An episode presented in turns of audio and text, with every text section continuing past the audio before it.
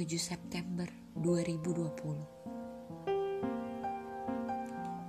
Telah genap satu tahun setelah kejadian itu terjadi. Kejadian di mana aku telah mendukung seorang gadis cantik mungil berinteraksi dengan kamu. Sungguh suatu hal yang bodoh bagiku. Tapi itu suatu hal yang membahagiakan bagi kamu. Ternyata,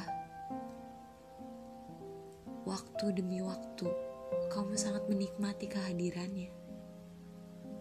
Sampai pada akhirnya, kamu telah jatuh cinta dengannya.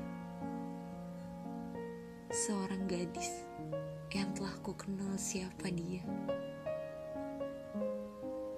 Ya, seperti biasa, aku tidak bisa apa-apa.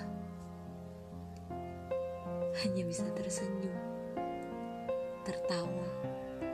Padahal hati aku menangis. Tapi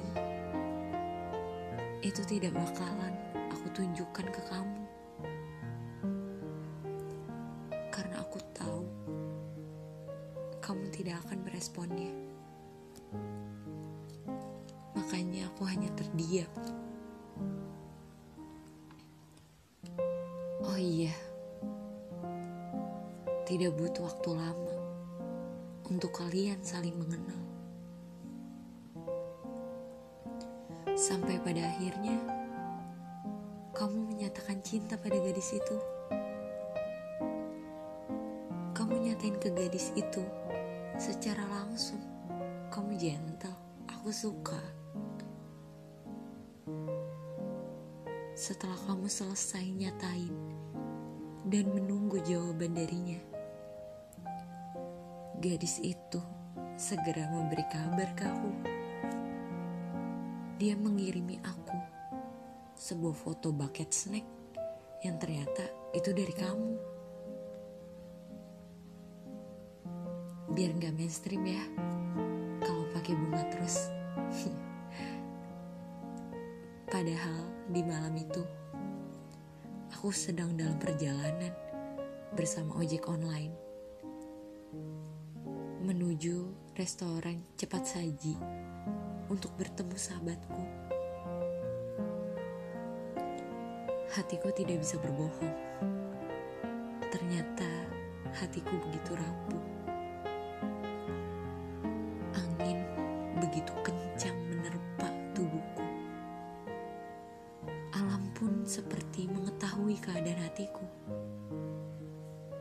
Airpodsku memutarkan lagu sendu, seakan semuanya mendukung mata ini untuk menangis. Sampai akhirnya air mataku jatuh juga. Tapi aku berusaha tegar. Aku memutuskan untuk tetap bertahan dengan senyuman, dengan mendukung kamu sama gadis itu. Dan akhirnya, kalian telah resmi jadian. Semua ini di luar dugaan aku, karena aku mengira gadis itu hanya ingin berteman dengan kamu.